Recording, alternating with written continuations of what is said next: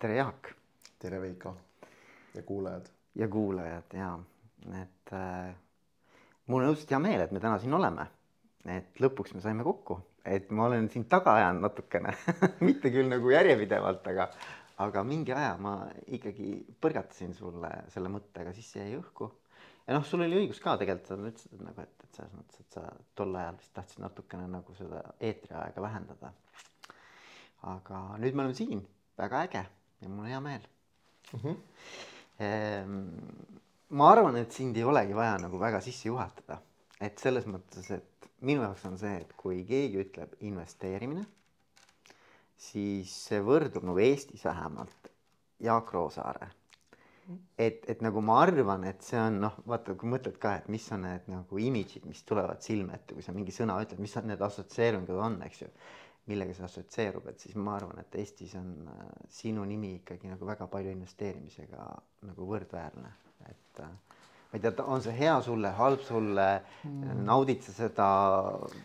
ma arvan, et see on tore, et äh, ma olen nagu viimased äh, paar aastat võib-olla natukene tundnud, et ma tahangi nihutada enda fookust äh, mitte niivõrd olla nagu investeerimiskoolitaja või raha nagu koolitaja, vaid pigem ollagi rohkem siis jah, nagu sa ütlesid, investeerimine. et ma olen tegelikult natuke vähem pannud fookust eh, koolitusele ja rohkem pannud fookust enda investeerimisele, et ehm, et eh, selles mõttes mul on hea meel, et sa ei öelnud, et kui sa ütled investeerimiskoolitus, siis tuleb minu nägu, et ma arvan, et seal enam ei tule minu nägu. Mm.. Ähm, natuke on sellest kahju ka, aga kõike ka nagu ei jõua, et siis ähm, ma arvan, et see mulle meeldib jah, kui sa nii ütled. ja mulle tundub, mul, mulle tundub küll niimoodi, et, et see, ütleme, see kuvand või bränd nagu on, on, on selline nagu persooni bränd. ja minu arvates on see äge, et selles mõttes, et igas valdkonnas võiks olla selliseid inimesi, kes noh, on nagu kohe sellised arvamusliidrid või, või arvamus äh, nii-öelda eeskujud, et, et ma arvan, et sina oled selles teemas kindlasti, selles valdkonnas. no ma tahtsin ka väiksena selleks juba saada, et ma vist keskkooli lõpus, kui LHV-l tuli see Foorum, siis ma panin endale kasutajanimeks investor sinna ja kui keegi küsiks, küsis väiksena või noh, mitte päris väiksena, aga seal keskkooli ajal juba, et kelleks sa saada tahad, siis ma tahtsingi investoriks saada, nii et see on järelikult õigesti läinud. see on väga äge jah. et, et noh, selles mõttes on ka huvitav, et noh, mina alati nagu aitan inimestel ka mõelda seda, et, et mis on su identiteet on ju, noh, ma olen coach'ina töötanud et äh, kes sa oled, et kui sa küsid tavaliselt inimese käest, et kes sa oled, eks ju, Jaak, et siis tegelikult sellele on jube raske vastata. sest et mingis mõttes noh, meil on nii palju rolle elus, olen isa, eks ole, olen, ma ei tea, abikaasa, eks ju, mees, sõber, eks ju, noh, erinevad rollid, eks ju, mul, ma olen mul jalgrattur on ju äh,. ma ei tea, mingisugused erinevad mentor, eks äh,. olen autor, eks ju, raamatu autor noh, et, et selles mõttes me, me peame kuidagimoodi nagu ennast kogu selles rollide virvarris nagu ikkagi mingi ankru panema maha, et kuule, et oota, mis seda kõike seob, on ju. et mis on see, mis mu niisugune nagu core identity on. ja siis noh, ma arvan, et need inimesed on väga õnnelikud tegelikult, kes teavad kuskil sisimas, et kes nad on, eks ju, et mille ümber mu elu tegelikult nagu käib. siis on ka lihtne öelda ei või jaa mingitele asjadele on ju, teha valikuid elus. sest et muidu sa nagu noh natuke oled nagu tuulelipp, et noh, kõigega ja ei millegiga, eks ju mm. -hmm. et ma tean, sa tegeled ka hästi paljude asjadega, aga ma, mulle tundub nagu, et sa ikkagi nagu noh, et need asjad on nagu seotud omavahel mingi punase niidiga niimoodi. mul endal selline teooria, et äh, sa pead laias laastus valima, kas sa lähed siis äh, ühe asja spetsialistiks nii-öelda kitsalt ja sügavuti või sa oled siis selline jutumärkides universaalnahaal, kes äh, teab kõigest natukene ja kuskil väga sügavuti ei ole ja selles mõttes investor minu meelest ongi selline elukutse või, või roll, kus, kus sust eeldataksegi, et sa pead kõigest natuke teadma, et et sul võib olla ka mingi asi, millest sa lähed väga süviti, aga noh, kogu see investeerimisraha finantsmaailm on selline, et ähm, seal on nagu nii palju sektorite lõikepunkte, et selles mõttes on hästi huvitav. ja, ja mina olen kuidagi alguses teadmatult ja nüüd võib-olla siis teadlikult ikkagi valinud ka investeerimises selle, et äh, ma ei ole keskendunud mingile ühele asjale, et ähm, noh, näiteks keegi investeerib ainult kinnisvarasse või üürikorteritesse või, või keegi tegeleb ainult äh, aktsiakauplemisega ja nii edasi. et, et mina olen siis ikkagi proovinud kogu seda spektrit äh, katta ja teadlikult siis arvestanud, et, ähm, mis on selle nagu plussid ja miinused, et et plussid on see, et on põnevam ja õpid rohkem ja, miinus on siis see, et äh, vahest tunned sedasama, nagu sa mainisid, et sul puudub selline nagu identiteedi ankur on ju, et äh, mis see siis, et kui, kuna sa ei ole ka milleski kõige-kõige parem, sest seal on ka omamoodi selline reegel minu meelest, et kui sa mitme asjaga tegeled, sa ei saa kõiges parem olla, on ju, et, et sa mõnes mõttes tood selle ohvriks, et ähm, sa ei ole ühes asjas kõige parem, aga vastutasuks sa saad selle, et on nagu jällegi põnev. et ma olen enda jaoks nii mõelnud, et kui inimestel oleks mitu elu, et siis ma pigem teeks ühte asja ainult. Ähm, aga et kuna vist ma ei ole selles kindel, kas meil on mitu elu, et siis katsuks erinevaid asju proovida. jah, väga äge, väga äge jah. aga, aga noh, mind huvitab nii palju erinevaid teemasid, on ju, aga et võib-olla nagu esimene asi, mis mind huvitaks, on see, et kui, kui sa mõtled nagu selle peale, sa ütlesid, et sa juba lapsest peale tahtsid tegelikult investoriks saada, eks ju, et kes olid võib-olla need kõige suuremad mõjutajad või mis sind mõjutas kõige rohkem äh, sellel kujunemisteel, et, et kui sa nagu, on need inimesed, mingisugused seigad, sündmused, mingid juhtumised, et kas on midagi, mis kohe nagu mm? -hmm mul endal on selline teooria, et see kuidagi kaasasündinud või et, et see on kuidagi nagu inimesest tulenev, et, et sa võid panna kaks inimest, noh, kaksikud näiteks, ident-, nii-öelda geneetiliselt identsed ja isegi, et kui neil see ümbrus on nagu enam-vähem identne, neil on nagu ma ei tea, sama vanaisa või mis iganes, et siis ikkagi ühel lapsel huvitab rohkem mingi üks valdkond ja teisel teine, et, et ma ei ole täpselt aru saanud, kust see tuleb. Ähm, et minul see nii-öelda armastus numbrit, isegi mitte numbrite, vaid ikkagi raha vastu nagu, aga mitte raha kui nagu ainult tarbimisvahend, vaid raha kui kontsept ja selline äh, mingi asja omamine ja kogumine. Et näiteks väiksest peale mulle hästi meeldis ja see, see oli natuke ajastust ka, ma arvan, kinni, et noh, kogusime õllepurke, kommipabereid, kõiki asju on ju, marke, et tänapäeval minu meelest ikkagi vähem lapsed koguvad mm -hmm. neid asju kui siis.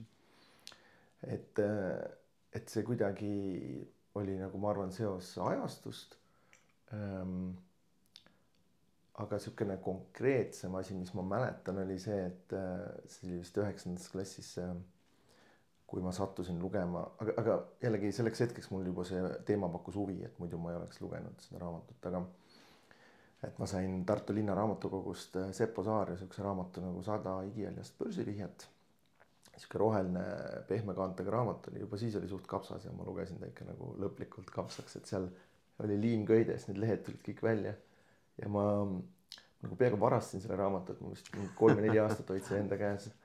et seda ei olnud saada enam poodides. Ja, ja siis teine oli Villu Sirnaski Kuidas rikkaks saada, selline raamat, kuidas Eestis rikkaks saada. ja siis tal oli raamat Kuidas börsil rikkaks saada, need tegelikult mõnes mõttes ma arvan äh, olid sellised minu raamatute nagu eelkäijad, et et kui Villu oleks neid raamatuid uuendanud ja nii-öelda vaeva näinud selle valdkonnaga, siis poleks ka suurt põhjust olnud võib-olla seda enda raamatuseeriat välja anda.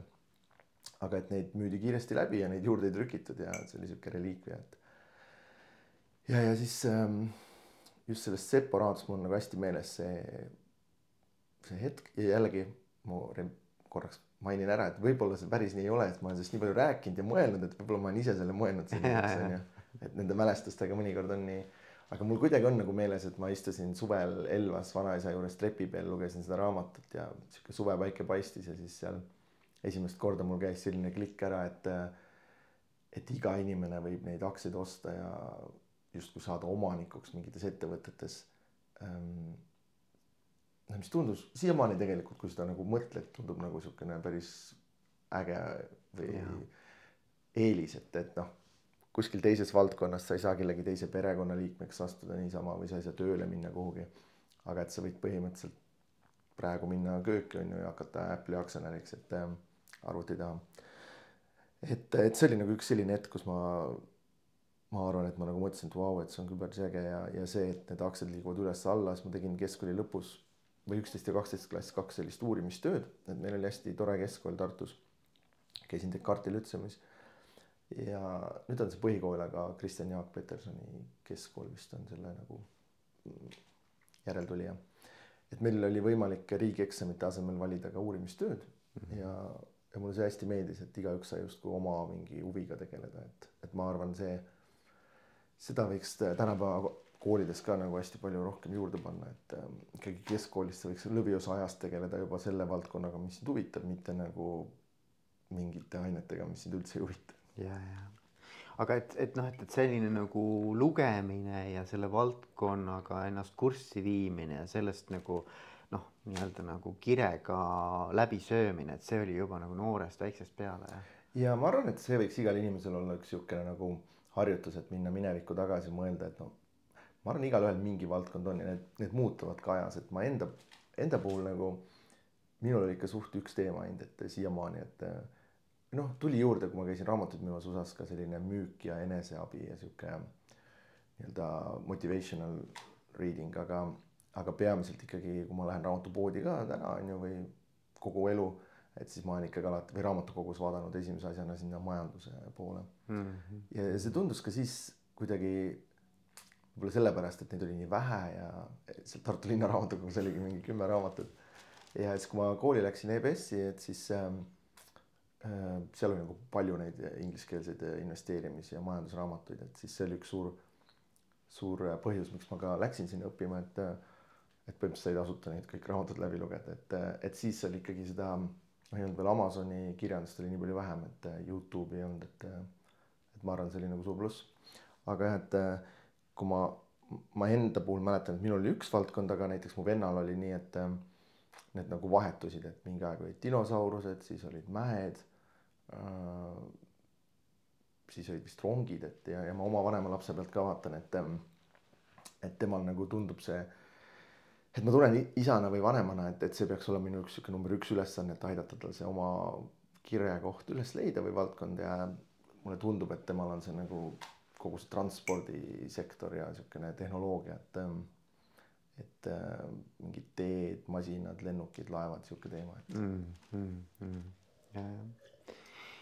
Jah, no mõnel inimesel ilmselt tuleb see nagu lihtsamini ja kiiremini ja mõni inimene peab proovima väga palju erinevaid asju ja, ja siis võib-olla leiab selle, eks ju, aga kui sa ühel hetkel leiad selle valdkonna, ma arvan, et siis sa ei pea enam nagu tööd tegema, noh, selles mõttes nagu tööd vaid et see on nagu juba sihuke asi, mis ongi nagu kutsumus või nagu selles mõttes nagu sihuke teed seda nagu kire ja naudinguga, et, et siis, siis ta ei ole nagu noh, siis ta annab sulle energiat, mitte ei võta enam energiat, eks ju. jah, ja aga ma arvan jah, et mina olen ise teistele inimestele ka soovitan nagu just niimoodi lapsepõlve vaadata, et kui, mis mängud sulle meeldisid ja, ja mis sa, ma ei tea, mis asju sa joonistasid või noh, mida niimoodi varasemasse seda eks see sõltub ka nagu perekonnast on ju, et kui sul ei olnud võimalik mingeid valdkondi üldse kokkupuudet omada, et siis on ka raske eeldada, et see sulle väga meeldis ja noh, ma arvan, et ma mängisin ka mingeid arstimänge ja siukseid asju, aga ähm, ja siis, kui sa noh, vanemaks saad, siis ongi see, et kui sa internetti lähed, on ju, et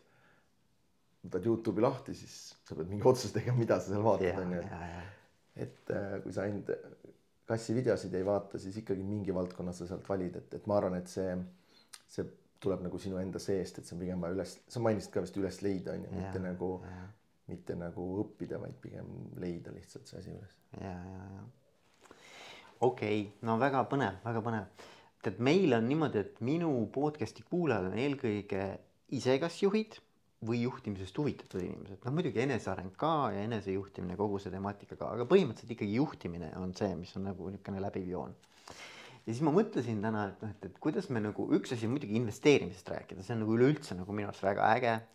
Aga, aga kuidas nagu, nagu juhtimise võtmes või et noh, et, et mis, mis võiks olla nagu juhi perspektiivist nagu oluline investeerimisel.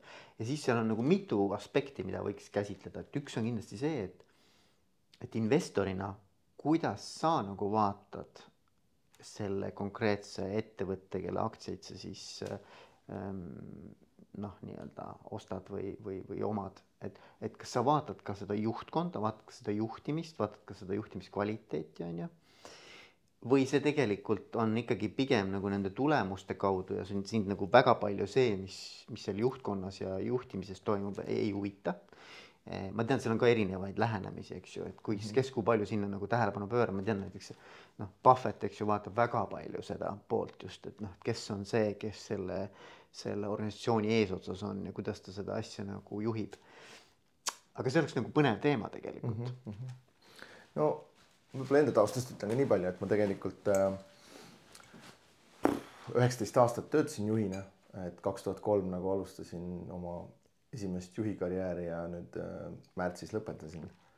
et äh,, et selles mõttes me võime ka lihtsalt juhtimismõtteid vahetada mm. -hmm. aga mm, sellele konkreetsele küsimusele ma arvan, et äh, et äh, kindlasti pead vaatama juhtkonda, aga seal see võib-olla riskikoht ongi siis see, et äh, et see võib ju olla nii, et täna on väga äge juht ja homme teda enam ei ole, et et et üldiselt ma üritaks nagu vaadata ka sinna nagu nii-öelda omanike või põhiomanike sekka. Ehm, mulle endale meeldivad sellised, kus see ettevõte, kus see juht on nagu ise asutaja ja, ja nendel on minu meelest ka tõestatud äh, uuringutega kõrgem tootlus sellistel ettevõtetel. ja ja, ja katsuda jah niimoodi, et äh, ideaalis leida ettevõtteid, kus äh, ettevõtte kultuur on nagu juhiülene, et äh, et äh, no näiteks ma ei tea, Johnson ja Johnson, et ma ei oska peast sulle öelda, kes seal see juht on, on ju, aga et neil on mingi sada pluss aastat see nii-öelda oma ettevõtte credo, credo ja mille alusel seal otsuseid tehakse. ja, ja noh, minu enda suurim investeering ongi Berkshire Hathaway, Warren Buffetti ettevõte et äh, seal see on natukene niisugune mõnes mõttes probleem ka, et see ettevõte on muutunud või noh, on olnud tegelikult algusest peale ikkagi selline võrdusmärk Buffettiga, et äh, aga ma arvan, noh, ma olen päris palju aega, energiat ja, ja see on siis minu niisugune hobi, seda Berkshire'i kohta uurida ja puurida ja lugeda. et, äh, et ta on tegelikult ikkagi ehitanud sinna selle kultuuri, et, et ma arvan, seal järgmised sada aastat püsib veel see Berkshire'i unikaalne juhtimiskultuur. sellest on päris palju raamatuid ka kirjutatud, et, et üks on siis see, millised on nende tütarettevõtete juhid, aga kogu see nii-öelda emafirma juhtimispõhimõtted on ka minu meelest põnevad. Ja, ja noh, jah, ja Buffett on muidugi nagu selles mõttes täitsa nagu omaette fenomen, eks ju, mina olen ka teda natukene uurinud. et, et mul, mulle nagu väga-väga nagu sümpatiseerib, et noh, et seal on nagu kuidagi usaldus on nagu mingi teema, eks ju, et hästi suur teema, et kui, kuidas sa nagu usaldad, et ta, ega ta tegelikult ju ei sekku, noh, tal ei ole isegi nagu sellist kapatsiteeti, et sekkuda nendesse mm -hmm. ettevõtete juhtimisse, eks ju, et, et pigem on see usalduse ja integrity peal kogu aeg, kogu asi üles ehitatud, et see mulle nagu väga sümpatiseerib. ja ma usun sellesse, et kui sa usaldad, et siis see tegelikult äh, nagu selles teises pooles, kui ta tunneb, et mind usaldatakse, siis, siis ma püüan seda krediiti ka tegelikult välja teenida, et nagu, et, et ma, ma tahan nagu näidata, et see usaldus on nagu õigustatud. et, et ma, ma usun sellisesse nagu usalduse kasvatamisse läbi selle, et sa nagu annad ette krediiti, mitte et sa pead nagu välja teenima kõigepealt. ja siis ma võin sind usaldada, et ma alguses ei usalda üldse mm, -hmm. et kuidagi sümpatiseerib see mõtteviis hästi ja seal mulle meeldis äh,. Neil oli sihuke ütlus seal, et, äh, et neil selles emafirmas on vist mingi kakskümmend, kolmkümmend töötajat ja, ja ülejäänud tütarfirmades on üle neljasaja, viiesaja tuhande, et. Äh, et siis äh, minu arust Warrenil oli sihuke lause, et äh, mulle meeldib, et meil on siin vähe inimesi, on ju. et äh, me saame keskenduda äri juhtimisele, mitte üksteise juhtimisele, et äh, et kui ma ise vahepeal juhina töötasin, siis ma tundsin seda, et äh, et äh, nende inimeste nii-öelda omavaheline probleemistik ja see office'i mingi keemia, et äh, vahepeal läks sinna nii palju aega ja energiat, et nagu nii-öelda selleks päris business'i juhtimiseks väga aega ei jäänud, et, et mulle see selline struktuur nagu hästi meeldib, et ähm, et sul on nii-öelda holding ettevõte, kes siis äh, teeb neid kapitali allokatsiooni otsuseid ja sellist igapäeva inimeste asju juhib siis see inimene, kellele jällegi meeldib see, et ma ise tundsin seal oma viimases rollis just, et et mulle rohkem meeldis tegeleda Exceli numbritega kui nagu nende inimeste sünnipäevade ja firmapidude ja kõige sellega, et et see oli sihuke huvitav, huvitav äh, lahendus seal Berkshire Hathaway's. ja, ja, ja aga sa oled ju ka iduettevõtete investor, eks ju mingil määral jah. nii enam nii palju ei ole jah? no eks see on vist selline nagu puberteet, et igaüks peab läbi tegema, et, ehm, et äh, vasika vaimust sa ka alustad äh,. ja siis mingi hetk avastad, minu jaoks oli nagu kaks, kaks sellist probleemi, üks oli see, et äh, ma avastasin, et mulle tegelikult emotsionaalselt selline idufirmalik lähenemine, et üheksakümnest läheb pekki ja siis see üks toob tootluse nagu. Et see, et tegelikult mulle see ei meeldi ja ma nagu nii-öelda ei naudi seda ja, ja ma avastasin ka seda, et tegelikult äh, mõnes mõttes selline nagu protsessi nautimine oli minu jaoks isegi olulisem kui see puhas tootlus, et, et isegi kui see matemaatiliselt äh, tasub ära niimoodi investeerida, siis noh, ma ei taha, et see oleks osa minu elust nagu mm. -hmm. see oli üks pool ja, ja teine pool, mis oli isegi olulisem, ma arvan, oli see, et ähm, noh, tegelikult see peaks olema ikkagi nagu täiskohaga töö või isegi mingi tiimitöö. et ähm, kui sa nagu ütled sellele jah, siis sa põhimõtteliselt avad endale nagu siukse ekraani, kust hakkab tulema siis neid pakkumisi on ju. ja, ja sel peale ma nagu alguses ka ei mõelnud väga, aga et noh, iga selle äh, presentatsiooni eesmärk on ju sulle nagu ära müüa see idee, et äh, see on nagu järgmine ükssarvik on ju. ja, ja siis äh, sina pead olema nagu pigem selline hästi negatiivne või noh kuna, kuna sihuke kriitik. kriitik on ju jah, mhm. aga mulle oma rolli või oma olemuselt mulle pigem meeldib olla sihuke yes man on ju, et äh, muidugi teeme, lähme.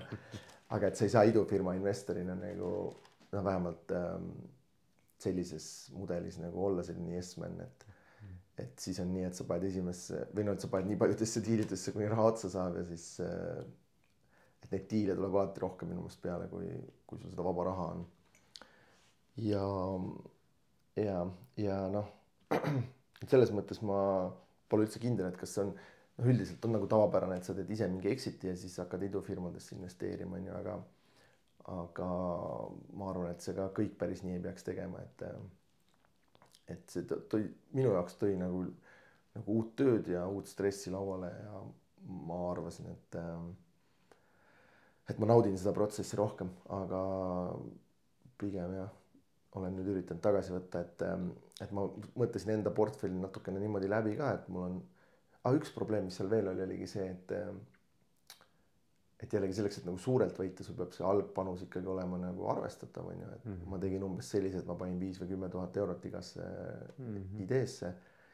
ja siis sa jõuad sinna välja, et isegi kui kellelgi läheb väga hästi, on ju noh, ma ei tea, kahekümnekordistub, on ju, et siis sa saad viiest tuhandest saad äh, ei tea, mis sa saad, sada tuhat on ju.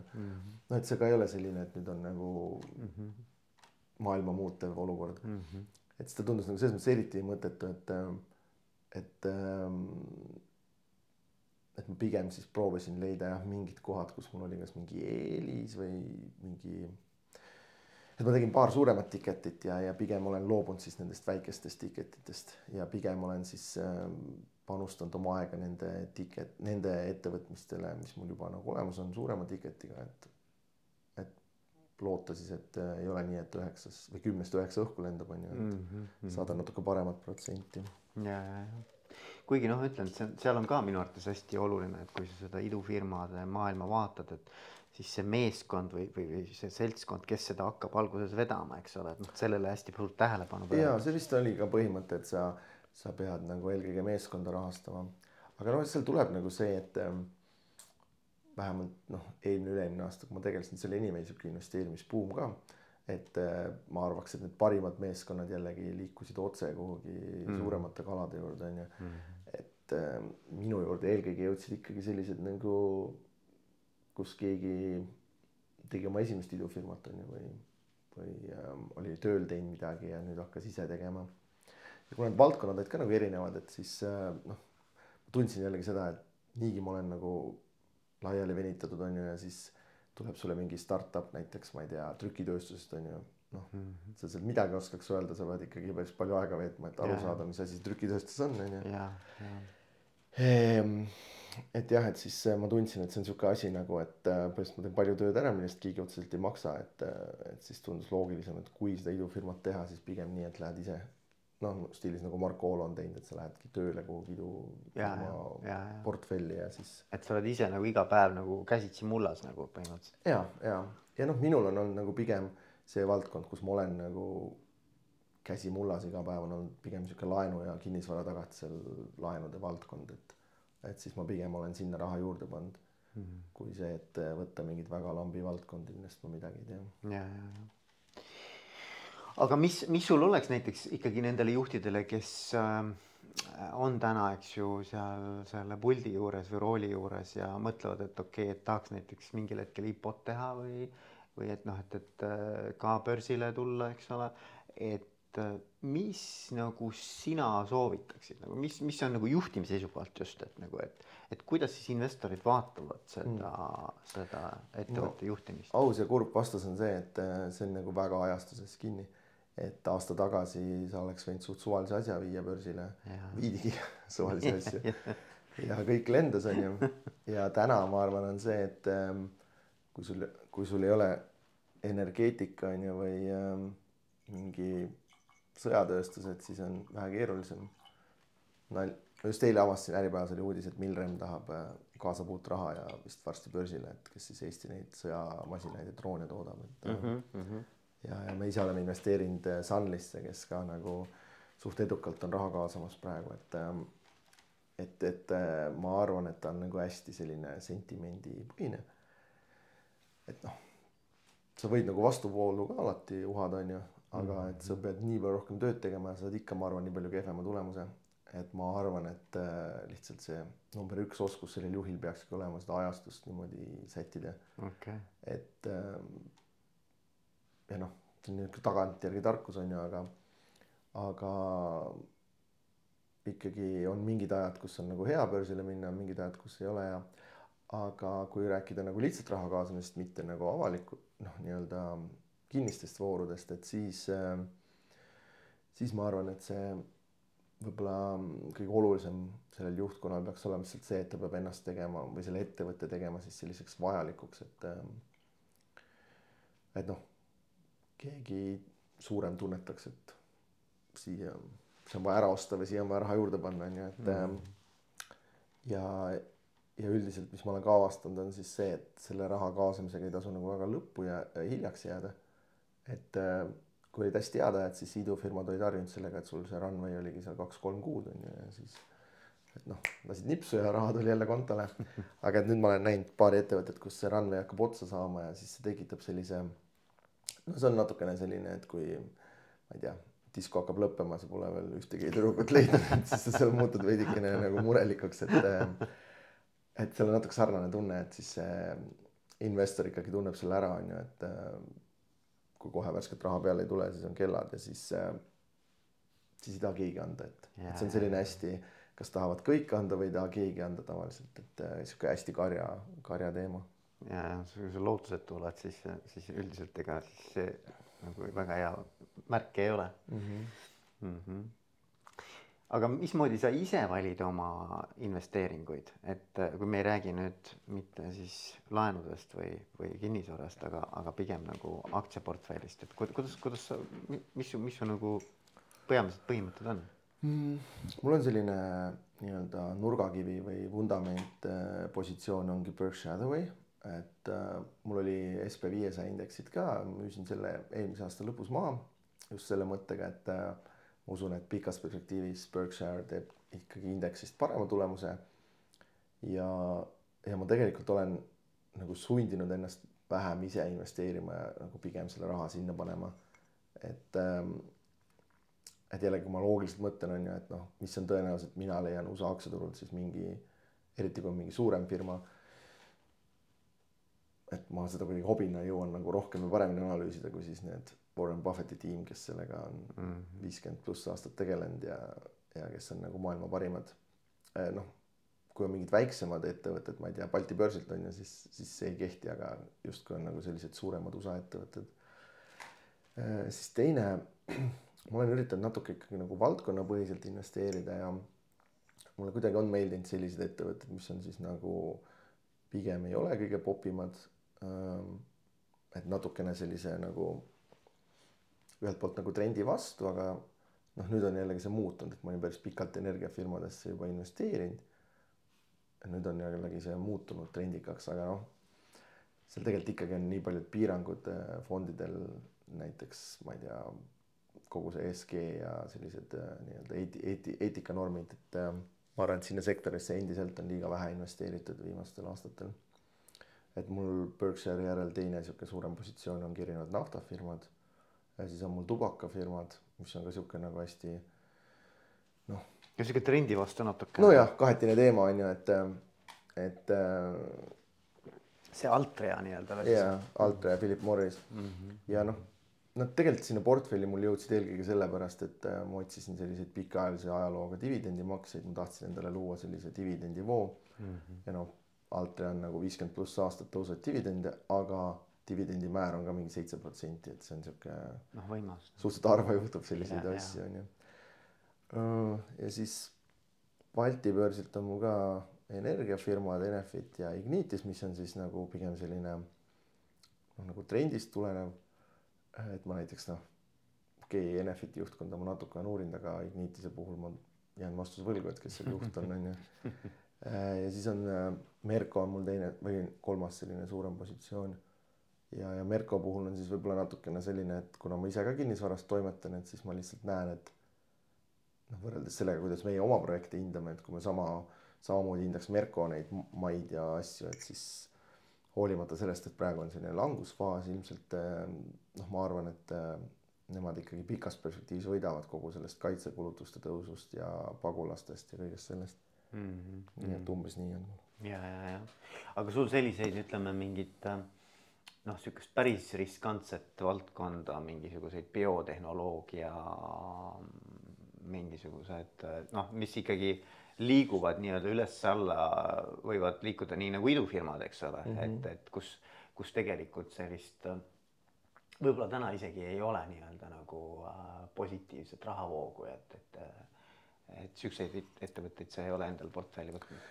ma kunagi olen neid näppinud natuke, aga noh, jällegi, mida vanemaks ma olen saanud, siis seda rohkem ma katsun endale nagu meelde tuletada või aru anda, et see on sihuke no selles mõttes nagu gambling või nagu hasartmäng, et ega eeldada, et mina nüüd rohkem tean sellest valdkonnast kui need, kes parasjagu müüvad mulle neid aktsiaid, on ju, on nagu keeruline. et me oleme ühe kinnisvarafirmaga Everaus, kus ma olen osanik, me oleme nüüd müünud aktsiaid. et me tegime sellise kinnise ringi ja siis ma esimest korda nagu sain sellest mõttest aru, et tegelikult sa ikkagi raha teenid siis, kui sa müüd aktsiaid nagu nii-öelda, kui sa ise ehitad firma ja müüd kellelegi aktsiaid, mitte see, et sa ostad börsilt kellegi teise aktsiaid ja ja loodad, et läheb hästi. et, äh, et ma olen enda jaoks umbes niimoodi mõelnud, et ikkagi sellise põhiosa kapitalist ma teenin läbi selle, et ma ehitan ettevõtte ja müün teistele aktsiaid. Et ma ei ürita sellega rikkaks saada, et ma siis järelturul proovin mingi biotehnoloogia püüda, mis kümnekordistub. et, et pigem järelturul mul on eesmärk nagu hoida oma vara ja noh, põhimõtteliselt seda Berkshire Hathaway'd seal nuumata vaikselt, et ähm, et äh, jällegi Warren Buffettilt on see ütlus, aga et sa pead ainult ühe korra elus nagu rikkaks saama, et et äh, mina ikkagi oma sellise algkapitali teenisin seal USA-s kahekümne aastaga, et äh, et äh, mul ei ole jah sellist ambitsiooni, et ma pean nüüd kuskil kümnekordistama mingit vara mm. -hmm.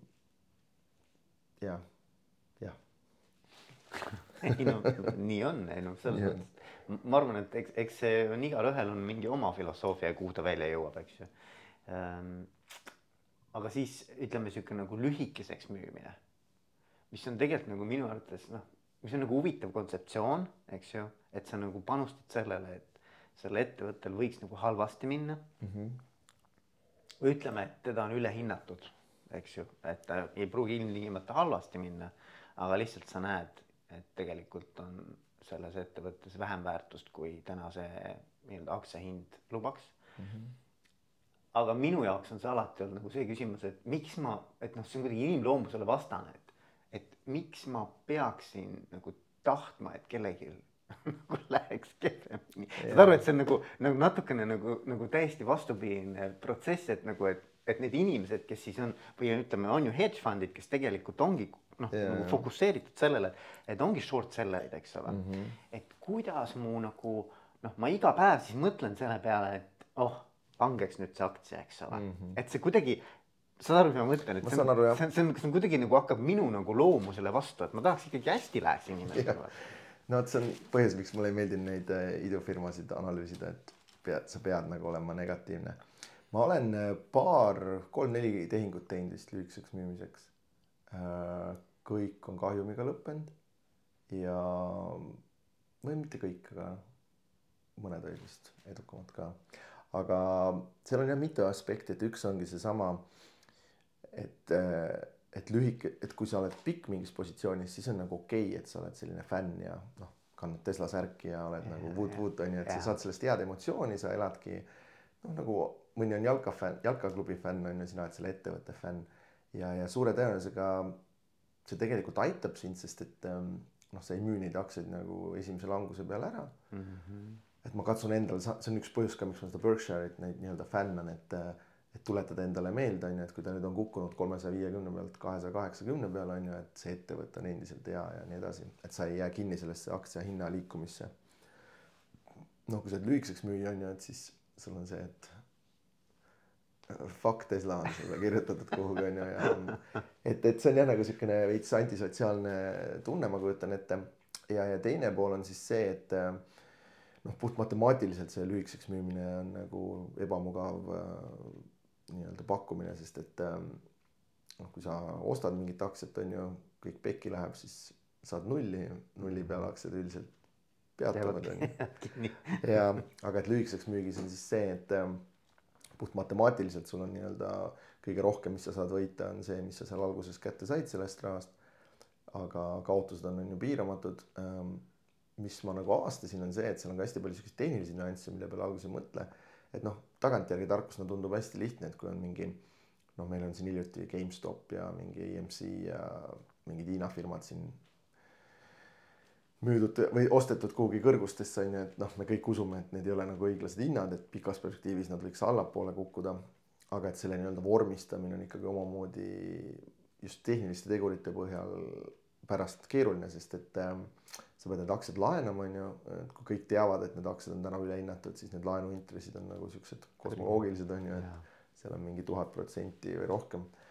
ja, ja siis teine risk on see, et sul võidakse alati need aktsiad äh, nii-öelda tagasi küsida, et sul ei ole sellist kindlust, et sa laenad ta nagu mingiks ajaperioodiks. et noh, kui ma kelleltki võtan laenu, siis ma ikkagi võtan nagu aastaks või kaheks ja ma tean, et okei okay,, et mis iganes juhtub, siis see aasta-kaks on mul nii-öelda hooletu mm.. kui sa laenad aktsiad ja müüd nad lühikeseks, siis põhimõtteliselt sul ei ole sellist tähtajalist lepingut, et äh, võib juhtuda vabalt niimoodi, et äh, noh, kui see aktsia, ma ei tea, seesama Tesla on ju, et äh, läks sealt vist ma ei tea, kuuekümne pealt kolmesaja peale on ju, et noh, sama hästi. ta oli kuuekümne pealt tundus ülehinnatud, samamoodi kolmesaja pealt on ta veel rohkem ülehinnatud on ju. aga samamoodi võib ta ka kolme tuhande peale minna, et yeah. siis ta on veel rohkem ülehinnatud. Aga et tehniliselt võib siis juhtuda see, et teil kolme tuhande peale sul maakler nagu nii-öelda tahab tagasi need aktsiad ja siis sa pead turult neid ostma ja sealt siis tavaliselt tulevadki need nii-öelda Short squeeze'id. Short squeeze'id jah, kus siis äh, lihtsalt äh, maaklerid nõuavad, et sa pead aktsiaid tagasi ostma ja noh, iga see järgmine ost siis nagu pigistab seda hinda üles, et et ma pärast oma Tesla sellist agooniat äh, ikkagi lugesin paar raamatut selle kohta ja ma ütleks, et sellised noh, minu ma ei ütle iidolid, aga investorid, kellest mina lugu pean, siis nemad on üldiselt ikkagi välistavad sellise üksikaktsiat lühikeseks müügi. et mul on endal portfellis mõned positsioonid nagu turu vastu Äh, aga et siis on sul terve turg ja see on pigem siis selline nagu natukene noh, ma ei tea, riskide maandamiseks. pigem, pigem nagu indeksid jah? ja, ja no ma olen ka teinud nii, et äh, ma ei ole nagu neid otse müünud, vaid ma olen siis nii-öelda mm, müünud, äh, müünud siis äh, call optsioone neile ehk siis selleks, et mina nagu võidaksin, ei pea turg otseselt kukkuma, on okei okay,, kui turg jääb samaks. lihtsalt ma saan siis kahjumit, kui turg tõuseb ja selle positsiooni mõte minu jaoks ongi olnud see, et kuna mul on päris suur see Berkshire'i positsioon, mis ikkagi liigub teatavas korrelatsioonis turuga. et siis äh, noh, juhul kui turg tõuseb, siis ma anyway võidan sealt piisavalt, et, et ma natukene annan mingi osa sellest võidust ära, et äh, noh, saad omakorda siis sealt osa raha tagasi, juhul kui turg kukub, on ju. see on nagu mõnes mõttes nagu kindlustuse ostmine. jah, natuke võib öelda küll mm. -hmm. aga et sa saad seda nagu kahtepidi teha, et äh, sa saad osta endale puutoptsioone siis sa justkui ostad kindlustuse ja siis sa maksad ise kindlustuspreemiat. Ähm, ma pigem olen olnud optsioonides vastupidi, ehk siis ma müün teistele kindlustust. et mõnes mõttes ma olen müünud inimestele eh, kindlustust ähm, nii-öelda või õigemini isegi mitte kindlustust, vaid eh, nagu loteriipileteid neile, nendele inimestele, kes arvavad, et turg võiks kõvasti rallida. ma olen neile müünud siis sellist loteriipiletit, et näed, kui turg tõesti kõvasti rallib, on ju, siis võidate suurelt. kui turg jääb samaks või kukub, siis jääd oma loteriipiletist ilma on ju, et pigem niimoodi. ja, ja, ja, ja, ja, ja ja see optsioonide maailm on, on täitsa võõras mulle, aga see on no muidugi põnev, et eriti, eriti tegelikult selliste volatiilsete aegade jaoks, ma arvan, on see nagu super, nagu praegu tegelikult on, eks ju, siuksed segased ajad, et. ja ma avastasin selle vist neli-viis aastat tagasi ja mul peamine selline tehing ongi olnud Berkshire'ile puttide müümine, ehk siis sisuliselt kuna Berkshire dividendi ei maksa, siis on nagu noh, minu jaoks otseselt ei ole vahet, kas ma oman seda Berkshire'it täna, homme või ülehomme on ju, et noh, ma tean, et ma pikaajaliselt tahan teda omada. kui ma saan teda ülehomme odavama hinnaga kui see, kui ma teda täna saaks börsilt on ju, siis noh, mulle sobib, on ju. Mhm. ja, ja kui ma, kui ma müün kellelegi teisele nii-öelda kindlustust selle vastu, et Berkshire aktsia kukub, siis mul ongi võimalik nii-öelda see kõige halvem stsenaarium on see, et ma ostan neid aktsiaid siis äh, näiteks aasta pärast äh, sama hinnaga, mis nad on täna, aga ma saan vahepeal siis mingi kümme-viisteist protsenti sellist äh, kindlustuspreemiat yeah,. Yeah et, et see oli sihuke huvitav valdkond, millest ma ei olnud nagu midagi kuulnud mm,. kuskil investeerimiskoolitusel keegi mainis seda ja siis ma hakkasin uurima ja siis tundus sihuke nagu selles mõttes hea strateegia, et äh, mul kiiret ei ole, ma olen, ma olen nagu nõus ootama ja see on sihuke huvitav koht, kus siis nagu aja eest sulle makstakse, et üks asi, mis on kindel, on see, et aeg liigub, on ju, et siis selles mõttes, et ta mulle emotsionaalselt nagu hästi sobib. Sellesse sa usud ka ju, ma usun, et sa usud, et, et, et noh, et aeg tähendab seda, et ikkagi nagu kõik, kogu nii-öelda aktsiaportfell kasvab, et selles mõttes nagu, et, et noh, et aeg teeb oma töö igal juhul. ja, ja no eriti ma arvan just seal Berkshire'i puhul, et äh, seal on ju see, et nad esiteks dividendi ei maksa, ehk siis mingit nii-öelda raha potist välja ei lähe. Äh, neil on ettevõtted, äh, seesama energeetika, raudtee, mis no igal juhul toodavad nagu fikseeritud sellist mingit kasumimäära ja pluss siis viimastel aastatel on aktsiaid tagasi ostnud, et sul on nagu kolm sellist, äh, sul tuleb potti raha juurde kogu aeg, potist midagi välja ei maksta ja keegi kogu aeg surub seda potti nagu nii-öelda väiksemaks ehk ostab aktsiaid tagasi, et mm, -hmm. et selles mõttes äh, seal vahepeal võivad käia mingid jõnksud, aga noh, nii nagu kui sul on pangaarvel istub sada eurot ja sa saad mingi protsendi aastase intressi on ju, et siis see läheb järjest ikkagi kõrgemale ja noh, üleüldse, et ma ei tea, keegi tegi mingisuguse analüüsi ka, et ma vaatasin, et oli tehtud, et kui sa oleks ostnud nagu ajalooliselt kõige madalamates kohtades, noh mm -hmm. nii-öelda, kus siis nii-öelda vastavalt siis see börsiindeks on, eks ole, oleks ostnud nagu aktsiaid või noh, ütleme siis SB viissada, eks ole et, et siis tegelikult noh, sa ikkagi oleks noh, sa ikkagi võidad nagu. sa mõtled nagu kõige kõrgemas punktis, enne kui aktsiaturg alla kukkus vahepeal? ei, sa just ostad nagu kõige madalam,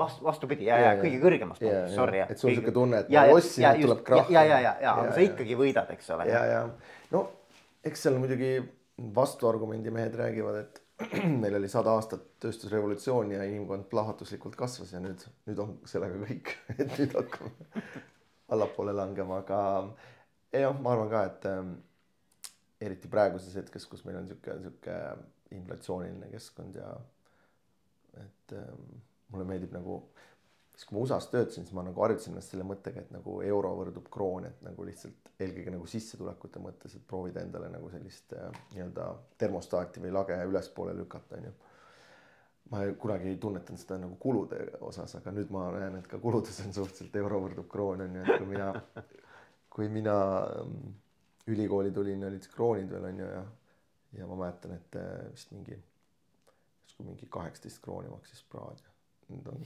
kaheksateist euri on ju, et umbes nii. ja, ja, ja, jah. no aga lõpuks peab ju see inflatsioon ka kuidagi aktsiahindadesse jõudma ju noh, selles mõttes, et ega siis lõppkokkuvõttes peavad ju ka müügihinnad noh. ja, aga ta on nagu, see on selles mõttes huvitav teema, et seitsmekümnendatel oli see eelmine nii-öelda suur inflatsioonipauk ja siis Warren oli päris mures, ta kirjutas päris mitu esseed sellest. ma just hiljuti lugesin neid, et äh, selles mõttes hästi äge lugeda, et nagu tänast päeva kirjeldab, aga on see seitsmekümnendate naftašokk nagu ähm,. et lihtsalt ma mõtlen ettevõtja peale, et äh, noh, ma ise nagu olen natuke ettevõtja, aga mul ei ole nagu töötajaid otseselt, aga et ähm, et olla nagu just väikeettevõtja näiteks on ikkagi päris raske, et et sind nagu pigistatakse praegu igast nurgast on ju, et töötajad ütlevad, et kuule, et lugesin just, et keskmine palk tõusis kümme prossa on ju. inflatsioon on kakskümmend viis prossa, võiks natuke palka juurde panna on ju. ja teiselt poolt sul need kommunaalid lähevad üles on ju, elekter, gaas, mis iganes läheb kõrgemaks ja siis äh, see sinu klient Saksamaal ütleb, et kuule, et me praegu igaks juhuks ei telli, on ju. et sa oled nagu nende kolme nagu kääri vahel või mõnes mõttes, et äh, töötajad, äh, ressursid ja, ja samal ajal see tarbimisnõudlus, ma arvan, jaheneb, nii et et selles mõttes on näiteks keeruline.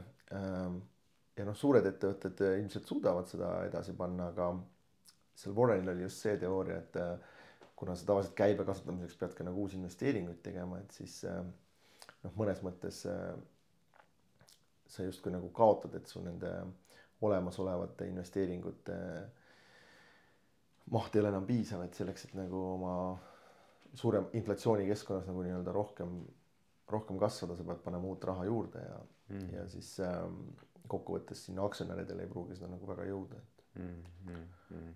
nii et ähm, aga jah, siiamaani muidugi on nagu, on varaomanikel pidu on ju, et äh, kinnisvara on nagu liikunud suht üks-ühele selle inflatsiooniga, et. ja, ja, ja, ja, aga jah, ei noh, eks, eks USA-s ju see juba on pidurdunud, eks ju, eks, eks ta tegelikult mingil hetkel peab ju jõudma ka teistesse regioonidesse. ma ise ka natuke põhjus ka, miks ma olen sinna energeetikasse investeerinud, ongi olnud see, et nagu enda jaoks lahti mõtestada, et mis see inflatsioon minu jaoks on, on ju. noh, minu jaoks ta ongi see, et ma ei tea, kinnisvara läheb, üür läheb kallimaks või Euribor läheb kallimaks, kütus, elekter läheb kallimaks, toit läheb kallimaks, on ju. et siis, kui ma oman nagu elektritootjat, oman äh, toiduainete tootjat, oman äh, panka, on ju, et siis ma justkui noh, mingit pidi saan selle nagu. et, et sa saad osa sellest nagu. ja, ja, ja, ja, ja.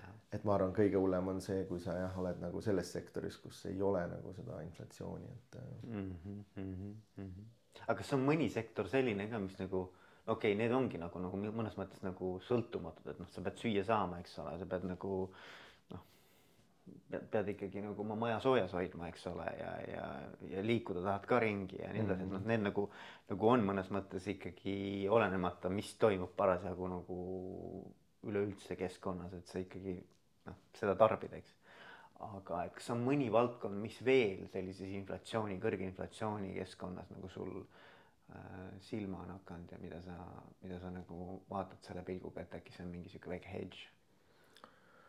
no nagu teiselt poolt olen lihtsalt mõelnud, kuidas nagu tarbimist vähendada või nii-öelda kulusid vähendada, et ma üks, üks oligi, see oli mitu põhjust, aga, aga et ma vahetasin endal bensi, bensiiniauto nagu elektriauto vastu ma fikseerisin endale elektrikulud ära kodus on ju. Äh, mul on maa, maaküte, et, äh, et natukene nii-öelda seda tarbimise poolt. kui me vaatame nagu üksikindiviidi tasandil on ju, et siis ja. Ähm, see võib olla nagu sama suur võit ja, ja ma arvan, tegelikult sihuke. noh, see ei ole jällegi nii-öelda ettevõtjale, aga justkui nagu sina kui tarbija on ju, et kõik juhid, kes kuulavad, et tarbijad ka samal ajal, et lihtsalt võib-olla natuke ümber mõtestada seda tarbimist ja ta on natuke kahe teraga mõõk, sellepärast et kui me kõik mõtestame ümber, siis me, eks ole, see, kes meile muidu toodab, jääb jällegi ilma tööta, aga see on nagu mu isa alati küsis, et kui kõik, kõik korteri või nii-öelda kõik üürikortereid ostavad, et kes neid siis üürima hakkab, onju. et fakt on see, et alati kõik ei hakka kunagi, onju, et sama selle tarbimise piiramisega. aga noh, et äh, võib-olla natuke mõelda selle peale lihtsalt, et äh, võib-olla proovida vahelduseks näiteks, et ei lähe välja sööma, vaid äh, mm. toome Lidlist endale mingit toorainet koju ja teeme ise kodus süüa, onju, et. et see ei pruugi alati tegelikult elatusstandardit äh, vähendada, et see on selline, mis ma õppisin seal Ameerikas raamatuid müües, et ikkagi üheksakümmend protsenti sinu sellisest elatusstandardist on su mindset või selline nii-öelda, mis tähenduse sa millegile annad. et äh, täna hommikul ma korra nagu arutasime just kodus, et näe, kõik läheb kallimaks ja meil oli sihuke ümbrik, kus meil see nii-öelda varuraha on, et see oli jälle tühjaks saanud ja siis äh, ja siis meenutasin endale, et vaata, et aga meil ei ole ju sõda, meil on nagu suhteliselt hästi siin tegelikult. et äh, lihtsalt, kas see Ukraina sõda on selline asi, et alati, kui sa tunned, et siin on nagu, et tahaks tor-, rohkem tarbida, aga hinnad on kõrged, on ju, et siis korraks meenutada, et kõik on hästi ikka meil siin veel ja see on hästi huvitav, et see, see perspektiivi tunnetus, et noh, et, et mis on minu mure ja mis on sinu mure, eks ju, et, et, et kellel mis mure on, et noh, et, et et võib-olla see mure, mis mul on, noh, tegelikult on isegi õnnistus, eks ju. et, äh, et, et noh, nendel on erinev kaal, eks ju. aga ma tahtsin selles mõttes veel sellest, see on nagu huvitav teema, et näiteks, et iga aasta tehakse seda õnnelikkuse indeksit, eks ju, inimeste noh, nii-öelda erinevates maades, et kui õnnelikud inimesed on.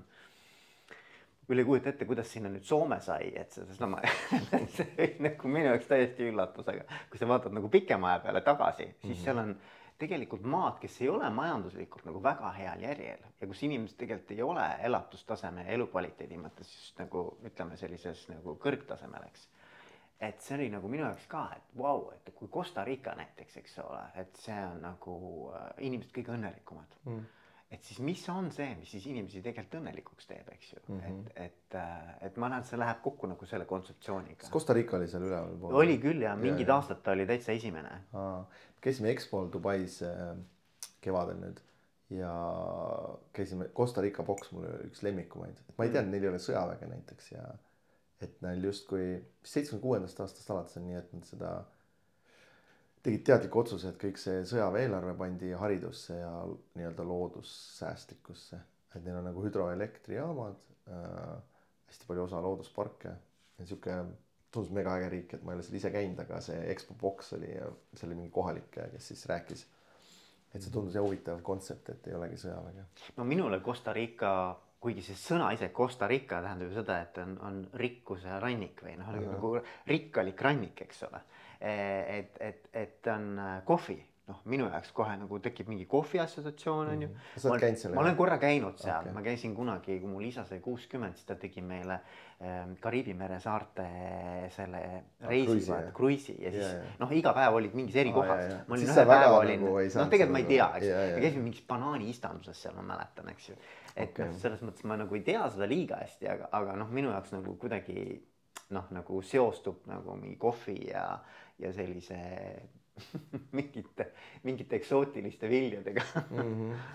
aga noh, selle küsimuse juurde tagasi on ju, et, et ei ole nagu kõige rikkamad riigid alati kõige õnnelikumad on ju, et, et ma arvan, see on, kui sa mõtlema hakkad, väga loogiline ka mõnes mõttes, et, et ega sageli oled kõige õnnelikum siis, kui sa, ma ei tea, sõidad rattaga mäest alla ja päike paistab, on ju, ja, ja et ei ole siis, kui sa mingit suuremasse majja kolid või ma ei tea, uue telefoni ostad et ähm, noh, eks me ikka tahame muidugi nagu kogu aeg upgrade ida oma asju, aga aga jah, et äh, võib-olla selline läbiv sõnum võiks olla praeguses majandusfaasis see, et ikkagi äh, mis ma ise ka nagu selle raha coach'i, coaching una nagu olen avastanud, on ju.